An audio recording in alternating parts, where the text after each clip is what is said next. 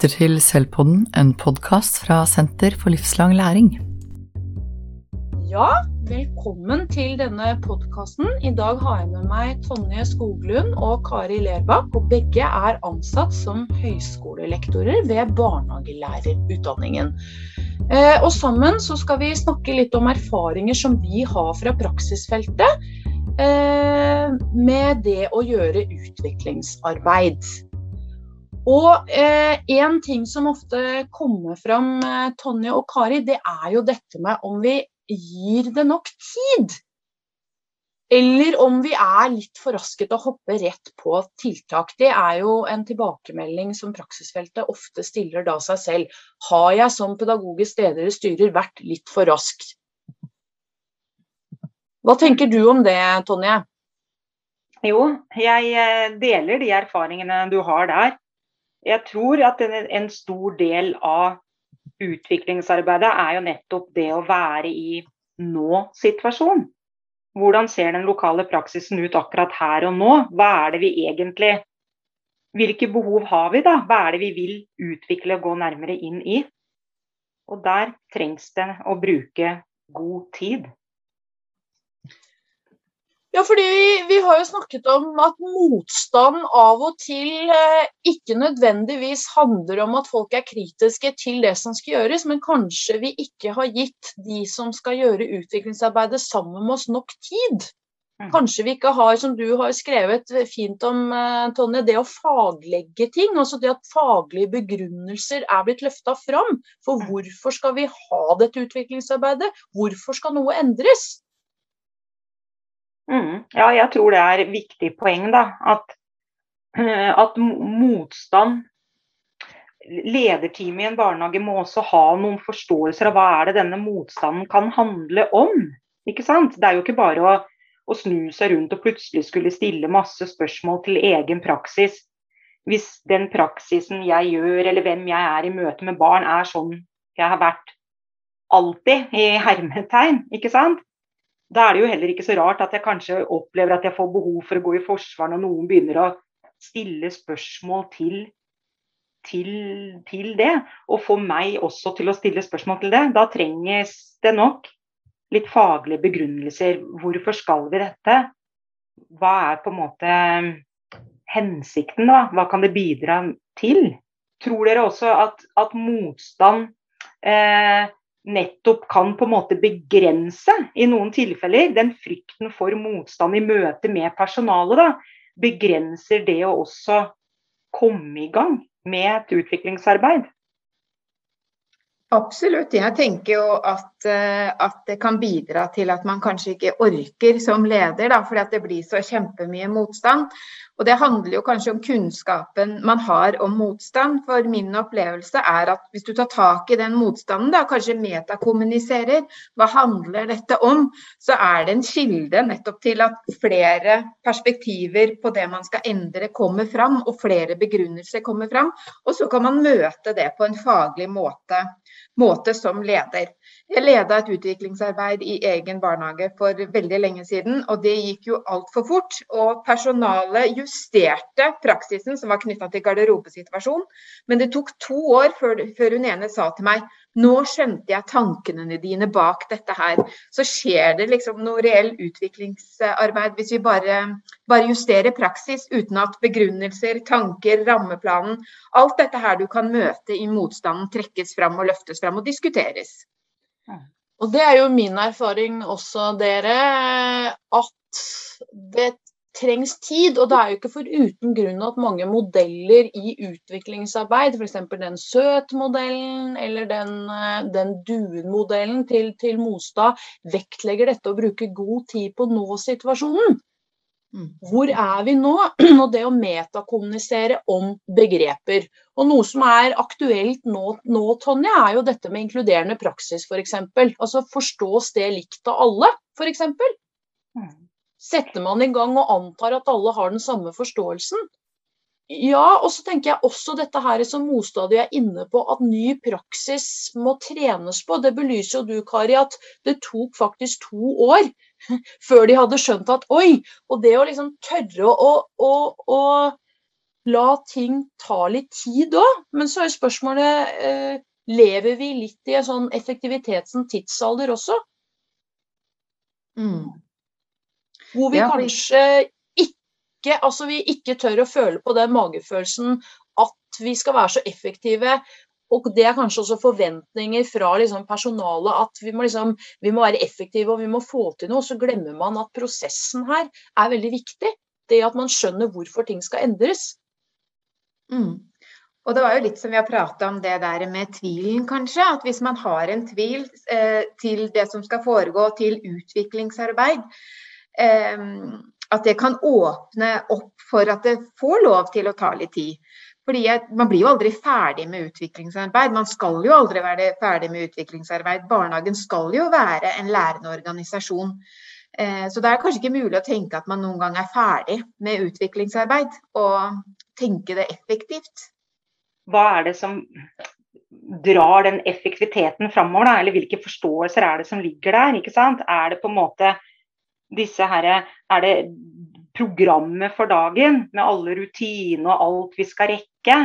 Eller er det på en måte eh, at man kan heller bremse opp, for så å ta med seg refleksjon og begrunnelsene?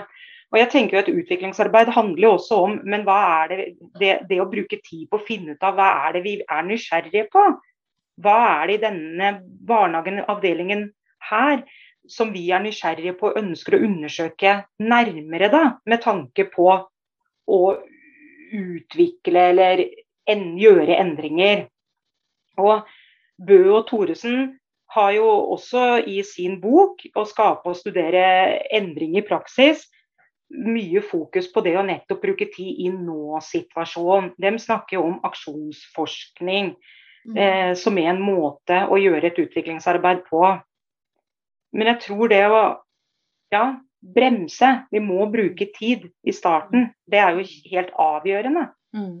Og det er jo det er jo noe jeg opplever at studenter og folk i praksisfeltet ofte sier da, når de skal e- evaluere seg selv eh, i rollen som utviklingsleder, at å, jeg skulle turt å bruke mer tid. Jeg gikk veldig fort fram. Det var klart i mitt hode, men jeg vet ikke at det var klart i de andres hoder. Og så vil jeg knytte en kommentar til det som du sier, Tonje, fordi det handler jo om at personalet må jo oppleve at endringa er relevant. Vi snakker jo ofte om utviklingsarbeid om å ha en visjon. At, at, at, at Man må jo tenke at den endringen som skal gjøres, den, den, er til det bedre. Og Av og til så kan jo folk være ganske fornøyd med praksisen sin. Mens hvis man da setter i gang denne eh, aksjonsforskninga, som jo er veldig god for å bli nysgjerrig på det, så kan man jo faktisk oppdage at oi, det er ikke sikkert at den praksisen vår er så god som vi trodde. Og det handler vel dere om at man tør å vie tid til aksjon og studere det. Mm. Gjennom kritisk refleksjon f.eks. Og tørre å være undrende til en type praksis som man kanskje alltid har gjort det. F.eks. at barn skal ha på ulltøy, da. Mm. Og, og hva er det som skal endres? Er det praksisen vår og hvordan personalet møter barna og hvem personalet er, hva, i samspill med barna? Eller er det barna som skal endres for å tilpasses de her gitte reglene og normene og det bildet av hvordan vi vil ha det? Det er jo to helt ulike tilnærminger. Og i et utviklingsarbeid så er det jo viktig at det er nettopp det å vende blikket innover og se sin egen praksis som gjør at det kan virkelig skje endringer av det pedagogiske tilbudet. da. At ikke det er liksom enkeltbarnet som må tilpasses, så gjør vi noen sånne små justeringer. F.eks. og dette barnet sitter alltid rolig under nei, urolig under måltidet. Da må du, Kari, sitte ved siden av det barnet, sånn at det barnet blir rolig. Det er jo noe helt annet. Ok, men hvordan, Hvilke holdninger, ideer, verdier har vi rundt hva en måltidssituasjon skal være og romme i barnehagen?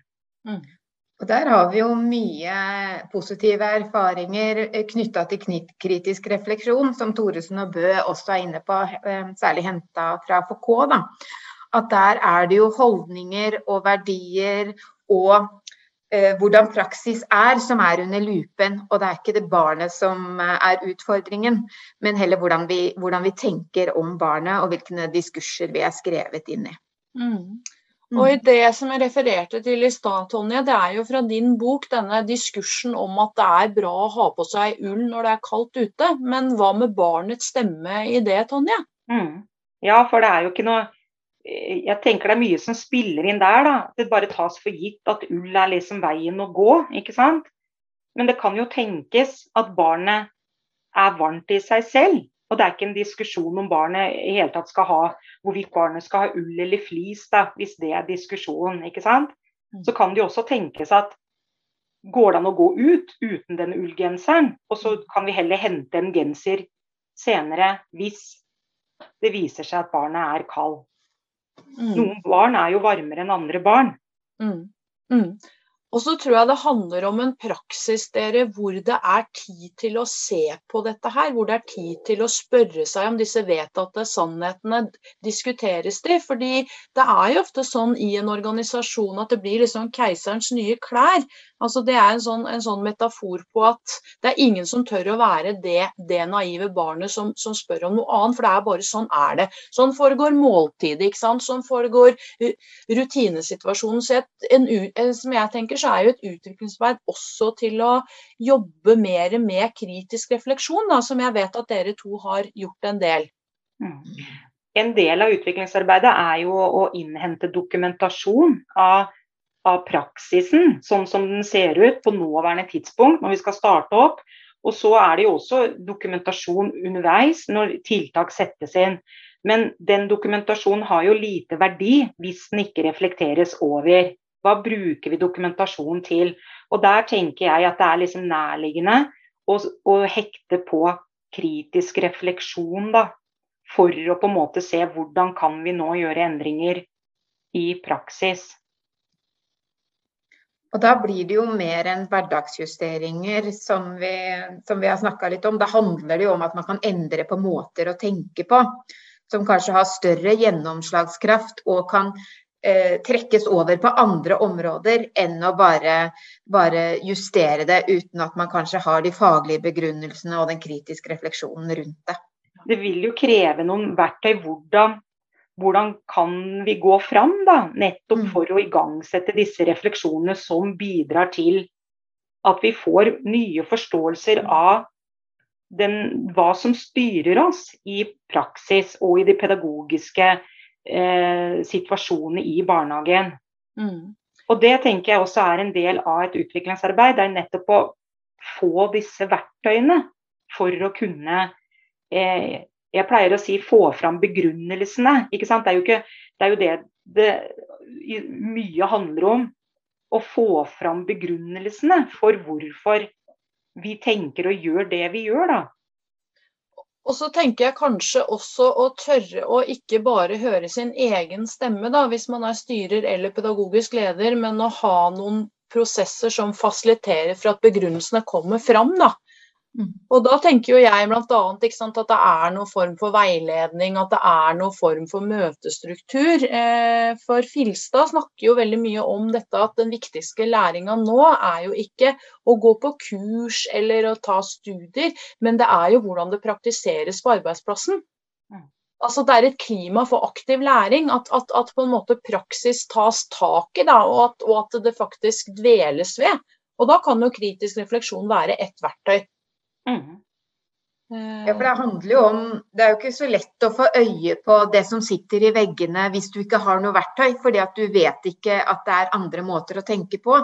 Så du er jo helt avhengig av å få noe tankeverktøy nettopp for å få øye på det og kunne reflektere over det og diskutere, diskutere rundt det på et team. Det tror jeg er veldig viktig det du sier, Kari, òg. At det er veldig mye som går forbi oss uten at vi reflekterer over det. Så, så, det å bruke noen form for dokumentasjon, da, Tonje, som du er inne på, og bruke den pedagogisk ta med seg Jeg jo anbefaler jo ofte at man tar med seg en praksisfortelling eller noe fra sin egen praksis som et utgangspunkt for å se på noe. Ehm, og da må jo også styrer og pedagogiske ledere være rollemodeller for det. For det har vi også snakket litt om til studentene våre og når vi er ute og, og i praksis, at hvis det skal ha utviklingsarbeid, så er det jo en grunn for at vi må, vi må begynne med styreren. Det er jo den som vedkommende som skal drive det om, og være en rollemodell for den kritiske, spørrende og undrende holdningen. da. Mm. Mm. Og så er det jo det å få ufarliggjøre litt disse kollektive refleksjonene. Det å på en måte få til en kultur der det ses på som det er produktivt og det er en styrke at det er ulike perspektiver i en personalgruppe f.eks. Og det å få fram alle disse perspektivene da, på bordet, dele med hverandre, for så å gå enda nærmere inn i det, det er jo en god vei for å nettopp kunne stille spørsmål til det som tas for gitt, for så å på en måte åpne opp for flere muligheter og flere handlingsalternativer. da. Det handler jo ikke om det å forkaste alt man allerede gjør, og alt det. Handler om å legge til, til noe mer. Sånn at vi har flere handlingsalternativer knyttet til, um, til en praksis man vil endre på. Og at man kan handle på flere måter. Og det kan jo også være viktig å synliggjøre at det handler ikke, kritisk refleksjon handler jo ikke om kritikk. Det handler jo om å komme seg videre eh, og liksom utvikle praksis. Men er vi litt redd for på en måte det å utsette praksisen vår for kritikk òg? Fordi det er interessant Tony, at du sier at vi må ufarliggjøre de kollektive refleksjonsprosessene. Ja, kanskje. Kanskje sånn i, i, Det varierer jo dette fra barnehage til barnehage hvor mye eh, refleksjoner det er. Og da snakker jeg om refleksjoner som går på egne verdier, holdninger, forståelser. Som igjen styrer praksis nesten uten at vi er klar over det. Én ting er jo å sitte og reflektere over eh, organisatoriske områder innenfor rutiner f.eks., men det er kanskje noe annet å reflektere over egne verdier, holdninger, forforståelser. Men eh, nå, da. Vi, alle vi tre er jo ute i regional ordning for eh, kompetanseheving i barnehagefeltet. Så vi møter jo mye barnehagepersonale i forbindelse med veiledning og, og den type kompetanseutvikling. Og jeg opplever egentlig tvert imot. Jeg opplever at det er veldig åpenhet, det er veldig stor nysgjerrighet for å undersøke sin egen praktisk, praksis da, mer kritisk. Men jeg tror også at det har handla litt om å nettopp få disse verktøyene. Noen begreper å tenke med for å kunne på en måte gå litt sin egen praksis etter sømmene, da. Det praksisfeltet sier, er jo dette med at hvordan vi forstår og oversetter ord og begreper, det er ulikt, og dette er noe det må brukes tid på. Da er vi vel inne litt på kjernen at det er en del begreper som vi må pakke ut sammen, da. Eh, for å finne litt ut altså hvordan skal vi forstå dette her hos oss. For det er jo mange honnørord i rammeplanen f.eks. Og, og, det, og dette med at det, det, er nok mange ulike forståelser som ikke settes ord på. Eh, og det er jo det der med å metakommunisere som vi har vært inne på, eh, om hvordan praksisen skal være. Og det å gjøre det nok, da. Mm. Mm. Og det handler jo ikke nødvendigvis om å bli enige om hva medvirkning betyr, hva lek betyr, hva en garderobesituasjon er, men heller å få fram de ulike perspektivene og diskutere dem i lys av eh, nyere forskning, fagstoff, rammeplanen. Hvordan henger dette sammen?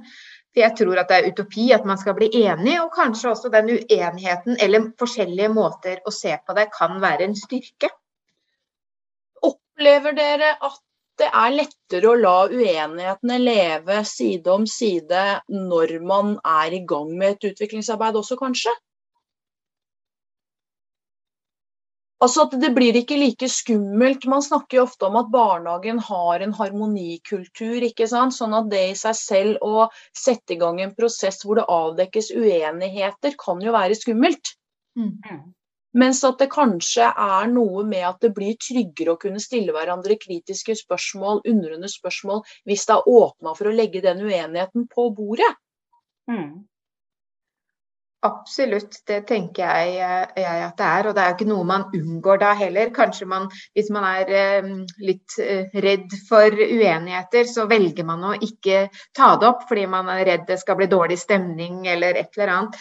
Men hvis man lager et klima hvor man har begynt å se sin egen praksis og legge den fram og diskutere den, så blir det jo enklere. Og da blir, også, da blir man jo mer nysgjerrig på hva slags perspektiver andre har, og hvorfor de har det, og hva slags faglige begrunnelser som ligger bak det.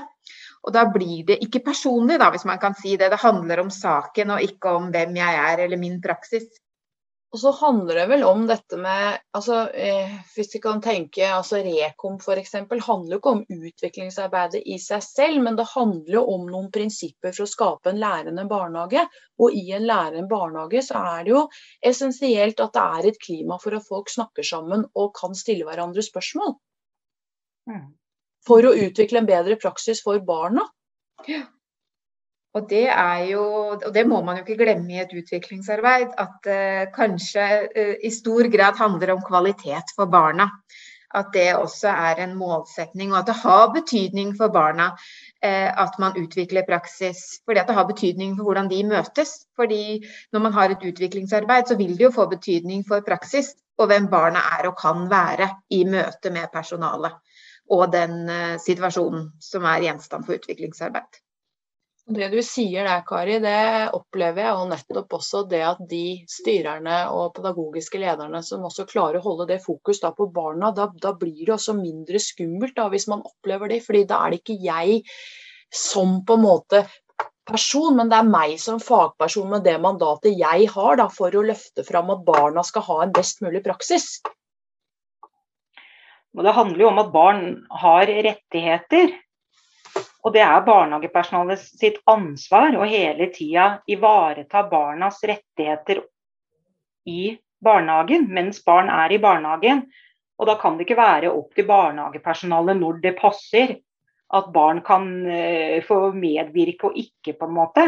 Barn er likeverdige mennesker som voksne og har også rettigheter. Og det for meg betyr at barnehagenpersonalet må hele tida reflektere over egen praksis og egne holdninger, verdier, som kan bidra til å hemme barnas rettigheter da, i barnehagen. Mm. Utviklingsarbeid er jo et stort eh, tema som omhandler mange ting. Eh, nå vi jo, skal vi oppsummere litt. Vi har jo snakka om flere ting, men hva vil dere trekke fram som det viktigste da? Jeg tenker på det siste vi prata om, nettopp at det handler om barna. Hvorfor er vi i barnehagen, hva vil vi med barnehagen? Eh, og hvem, eh, hvem lar vi barna, barna, være, hvis vi ikke hele tiden utvikler praktisk og har et kritisk blikk på det. Mm. Og da kan jeg hekte på det med å bruke god tid da, i oppstarten av et utviklingsarbeid. Fordi det å, å på en måte avgrense utviklingsarbeidet til ett område, for så virkelig gå inn i nå-situasjonen. Der også eh, det å få fram begrunnelsene for den praksisen som skjer, da, får plass. Og da er det jo nettopp disse her eh, holdningene, verdiene, det som styrer hver enkelt ansatt i møte med barn. Mm. Så Tenk på barnets beste, og så oppfordrer vi da til å finne sin indre skilpadde. Altså skynde seg langsomt, bruke god tid på å innhente dokumentasjon på nå-situasjonen. Og reflektere over den. Ikke minst, det må vi ikke glemme. Kari Lerenbakk og Tonje Skoglund, tusen takk for at dere kom og delte deres erfaringer.